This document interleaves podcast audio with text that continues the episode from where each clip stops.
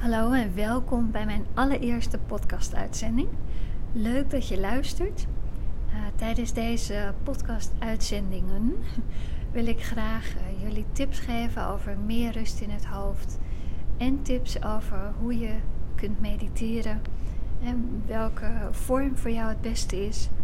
En zal ik je ook oefeningen geven om zelf te proberen. Maar deze allereerste uitzending leek het me leuk om je te vertellen hoe ik monnik ben geworden. En dit omdat ik die vraag eigenlijk altijd krijg. Het begint dan met hoe kan je als vrouw monnik zijn? um, ik word ook wel de monnik op hakken genoemd, omdat ik uh, een paar jaar geleden dat ik lezingen gaf um, op, op, een conferentie en ik had hoge hakken aan en toen zei iemand, oh de monnik op hakken. Dus dat was wel heel erg uh, grappig en die heb ik dus ook gebruikt. Maar hoe ben ik dus zo ver gekomen? Ik heb uh, in nou ja, 13 jaar tijd heb ik uh, gevlogen als stewardess voor de KLM. En naast het vliegen gaf ik ook les in Reiki. En gaf ik lezingen en workshops op het gebied van persoonlijke en spirituele ontwikkeling. En dat vond ik echt ontzettend leuk om te doen. En ik merkte dat als ik les gaf, dat ik in een bepaalde flow zat. Um, ik weet niet hoe ik het anders moet omschrijven, maar het was een hele fijne, liefdevolle energie. Alles leek vanzelf te gaan. Uh, er kwamen antwoorden um, vanuit mij waarvan ik dacht: wauw. Weet je, het, zonder erover na te denken. En dan reed ik bijvoorbeeld naar huis na zo'n uh, lezing of, of, workshop die ik gegeven had. En dan was ik thuis en dan was bijvoorbeeld het internet uh, wat niet werkte. Nou, dit was uh, heel wat jaren geleden, dus dat gebeurde in die tijd nog wel eens. Maar ik had er heel weinig geduld in. Dus dan ja, was eigenlijk die liefdevolle energie was weg. En was ik geïrriteerd en probeerde ik het op te lossen. Oftewel, ik probeerde de situatie te controleren, naar mijn hand te zetten. Nou, en dat was ook met andere dingen. Um, ik vond altijd dat ik altijd in de verkeerde rij stond bij de supermarkt. De andere rij ging altijd veel sneller. Dat irriteerde mij. Maar ook uh, mijn vliegschema. Waar, uh, natuurlijk iemand die onze roosters maakt. En ja, dat had ik niet helemaal in de hand. Wel voor een deel, maar niet alles. En ik kon dan heel erg irriteren als ik geen dag vrij had gekregen. En dan ging indelen weer opbellen. Dus ik probeerde de situatie steeds te controleren. En op een gegeven moment merkte ik dus van hé, hey, die liefdevolle energie die ervaar ik dus wel als ik les geef, als ik uh, voor groepen sta. Maar die is weer weg als ik, nou ja, als er iets niet gaat zoals ik wil dat het gaat. En ik vroeg me ook af, hoe kan ik nou die energie vasthouden? Want het leek me veel fijner om in die liefdevolle energie gewoon mijn, ja, mijn hele leven te leiden. Dus ook welke situatie ook op mijn pad kwam. Nou, bij toeval, of geen toeval, kwam ik um, in een tweedehands boekenwinkel in Amsterdam. En daar vond ik het boek Ishaya's Ascension. En ja, iets in mij zei dat ik dat boek moest hebben, dus ik had het gelijk gekocht en ik was gaan lezen. En voor het eerst eigenlijk had ik een boek. Ik heb echt heel veel mooie boeken gelezen hoor, maar dit voelde zo dicht bij mijn waarheid van hoe ik dingen zag. En dat was voor mij dus eigenlijk een, ja, zeg maar een teken dat ik hier verder van, um, hier meer van wilde weten. En omdat er niks in Nederland was, ben ik toen naar Engeland gevlogen en heb de cursus gedaan die daar in het boek beschreven stond. Oftewel de First Sphere van de Ishaya's Ascension. En in Engeland heb ik dus die weekendcursus gevolgd. En ondanks dat ik al heel veel gedaan heb, was dit eigenlijk de eerste cursus die, die ik deed. Waarvan ik gelijk een gevoel had van, ja, dit, ik, ik weet het nog niet precies, maar het voelt als thuiskomen. Ik weet niet hoe of waarom, maar ik weet alleen maar dat ik dat gevoel zo fijn vond dat ik daar meer van wilde weten. Nou, toen heb ik uh, die meditatie gedaan. Heb ik uh, thuis zo goed als ik kon zelf gedaan. Ik kende namelijk geen andere mensen die deze meditatie deden. Had geen contact met die leraren, want die verhuisden gelijk uh, in Engeland. En nou, het contact was er in ieder geval niet. Maar de meditatie deed toch zijn ding. Als in ik, ik begon meer rust te ervaren. Ik merkte dat ik minder oordeelde naar mezelf, naar andere personen, naar situaties. Ik merkte dat ik liefdevoller werd. En um, ik ben als ontzettende perfectionist geweest. En ook dat werd wat minder. Ik kon iets meer al zo'n houding hebben van, nou ja, we zien wel. En dat vond ik eigenlijk heel erg fijn. En dat maakte dus dat ik verder ging met die meditatie. En ja, dat was eigenlijk ook, ik geloof iets van 2006. Ehm, ben ik naar het eiland Patmos gegaan, omdat ik in de boeken van de las dat daar ja, zeg maar de bakermat is. De, dus ik had het idee van, nou, dan komt het wel goed. Als ik daarheen ga, dan, um, dan vind ik vast zo'n Isaiah monnik en die helpt me op weg. En ik ging er ook echt heen. Ik, ik nam mijn vakantie helemaal alleen. En ik weet dat ik thuis vertelde aan mensen en aan vrienden van... Ik kom niet terug eer ik mijn uh, hogere zelf heb gevonden. Dat, ik, ja, ik kon er die naam aan geven. Ik wist niet zo goed hoe of wat. Maar iets wat groter is dan mezelf.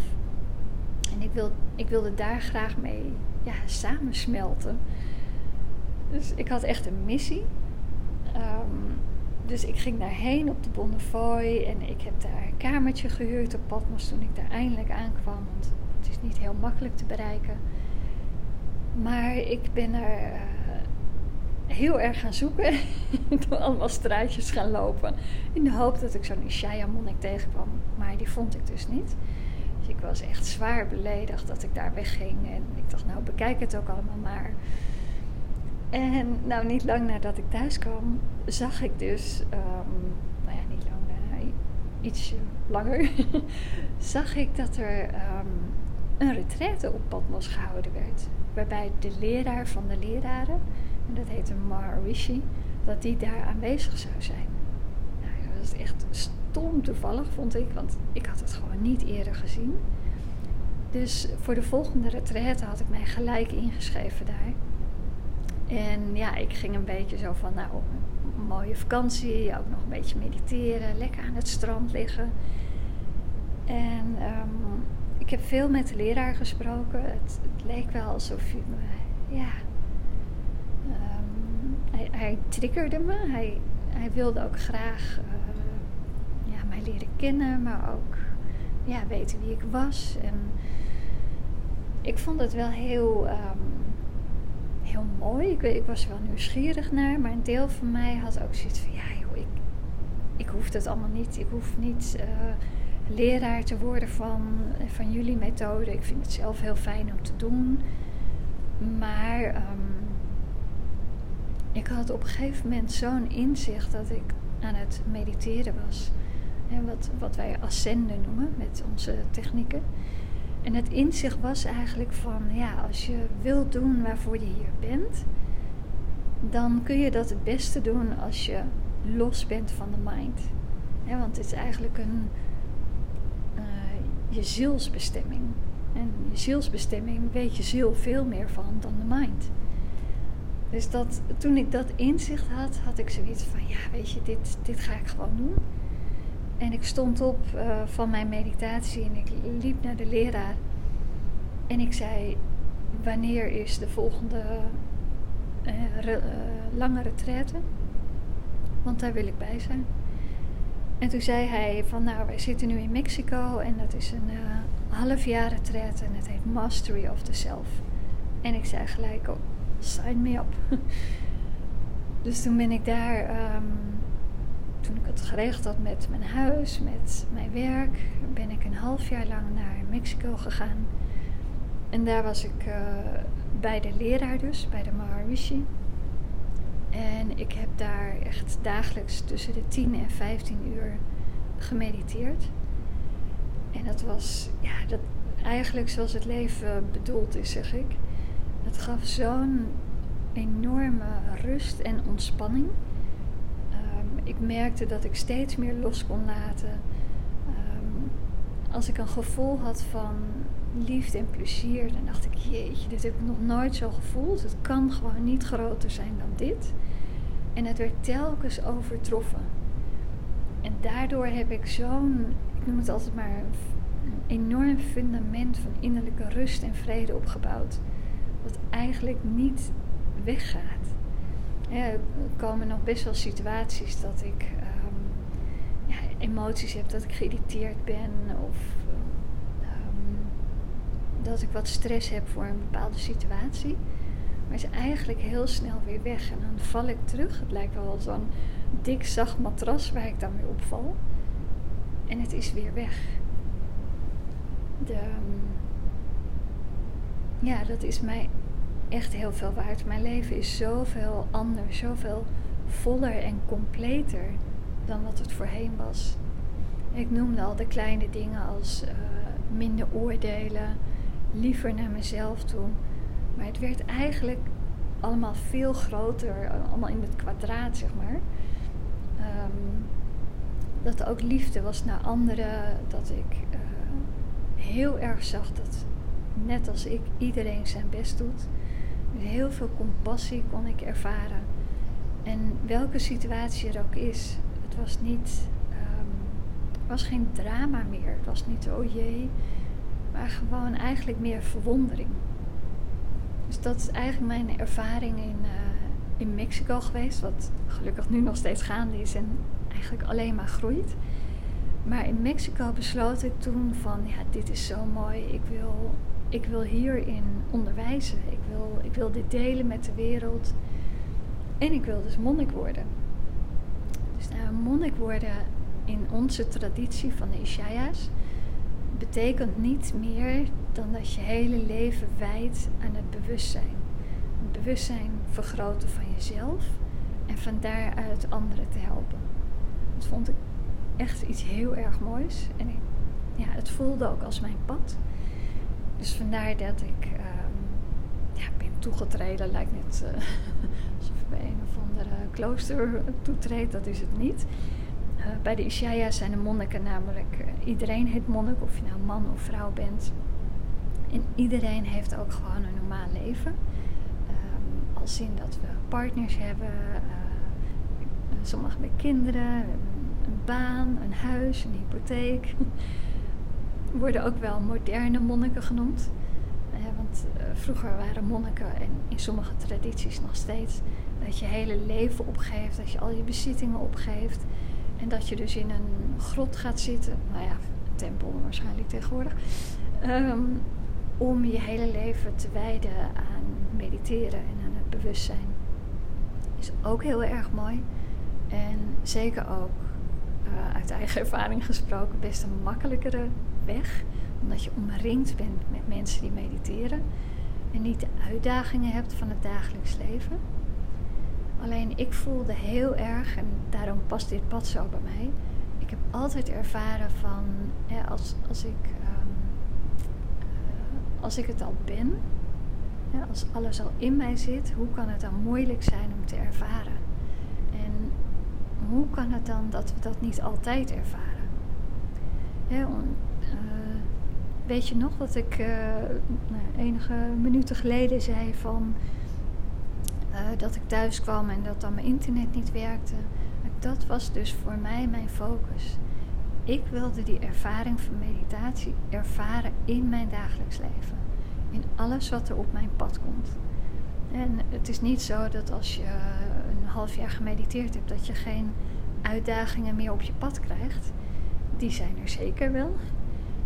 Maar het is zeg maar een soort mantra voor mij geworden.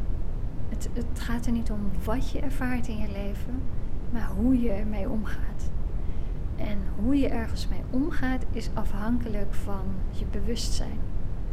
En hoe meer ik uh, mediteerde, hoe groter mijn bewustzijn werd en hoe makkelijker ik met allerlei verschillende situaties kon omgaan. En dat voelde als rijkdom als het hebben van een vrije keuze. Niet meer vastzitten in bepaalde patronen, in ehm, hoe je automatisch reageert op dingen. Maar werkelijk een keuze hebben hoe je met een situatie omgaat. En soms is dat natuurlijk nog steeds wel eens. Ehm, eh, ik kan me herinneren dat er een keertje iets gebeurde. wat mij heel veel verdriet gaf. En er kwam echt zoveel verdriet. Maar ik, ik, ik liet het volledig toe. En ik weet dat er mensen om mij heen zelfs een beetje bang waren. En zoiets hadden van, jeetje, wat... Hé, ja, mediteer toch? Hoe kan je dan zo uh, in de emotie zijn? Maar wat ze niet begrepen was dat ik op dat moment eigenlijk de deur voor de emotie compleet open zette. Zodat alles wat er op dat moment was eruit kon. En wat ik voorheen deed, en misschien herken jij dit ook wel, is dat als ik verdriet had, dat het toch ergens voelde van het mag er niet helemaal zijn. dus ik, ik mm, er kwam een deel uit en een deel hield ik dan in. Zo van, nou, nou is het wel genoeg geweest. Of uh, ging, ik, ging ik mentaal mezelf coachen van, uh, nou, het is allemaal beter zo, het komt allemaal goed. Waardoor ik dus eigenlijk die emotie uh, deels inhield. En door de meditatie ben ik gewend geraakt aan alles wat er op dat moment is, er helemaal uitgooien. En vervolgens is het ook helemaal weg. En komt het niet een volgende keer terug. Zo van, oh ja, dat was toen ook nog gebeurd. Daar was ik erg goed in. Um, maar ja, mag het er dus volledig zijn. En nou, toen was ik dus mooi monnik geworden. toen uh, ben ik teruggegaan naar Nederland. En toen heb ik de meditatie van Ishaya's Ascension opgezet. En we zijn nu al met een hele groep enthousiaste, leuke leraren in Nederland die deze cursus allemaal geven. En ja, mijn missie is eigenlijk nog, nog veel groter geworden. Ik heb een missie dat um, heel Nederland gaat mediteren. En daarna, als we Nederland gehad hebben, de hele wereld. Omdat mijn um, overtuiging is dat dat echt iets is wat we nodig hebben het naar binnen gaan heeft mij zoveel gebracht. Het heeft mij zo in verbinding gebracht met mijn ware zelf. En zeg maar uh, verbonden met mijn, met mijn kern, met mijn innerlijke energiebron. En dat zorgt er dus voor dat ik, zoals ik al zei, beter met situaties kan omgaan. Maar dat is juist wat steeds moeilijker wordt. Een heleboel mensen. Ik las vandaag nog dat uh, aantal mensen met een burn-out die in de zorgverlening werken weer enorm gegroeid is. Ehm, de psychische klachten groeien. Er zijn steeds meer mensen met een depressie en een burn-out. En dat heeft dus te maken met dat we zo bezig zijn met uh, alles in de buitenwereld proberen te controleren. We proberen gelukkig te zijn. We proberen een betere versie van onszelf te worden proberen aan al onze verplichtingen en verantwoordelijkheden te voldoen. Maar we vergeten onszelf. We vergeten naar binnen te gaan. We vergeten te verbinden met wie we zijn. En dat is iets waar ik je heel graag bij wil helpen. Meditatie hoeft absoluut niet moeilijk te zijn.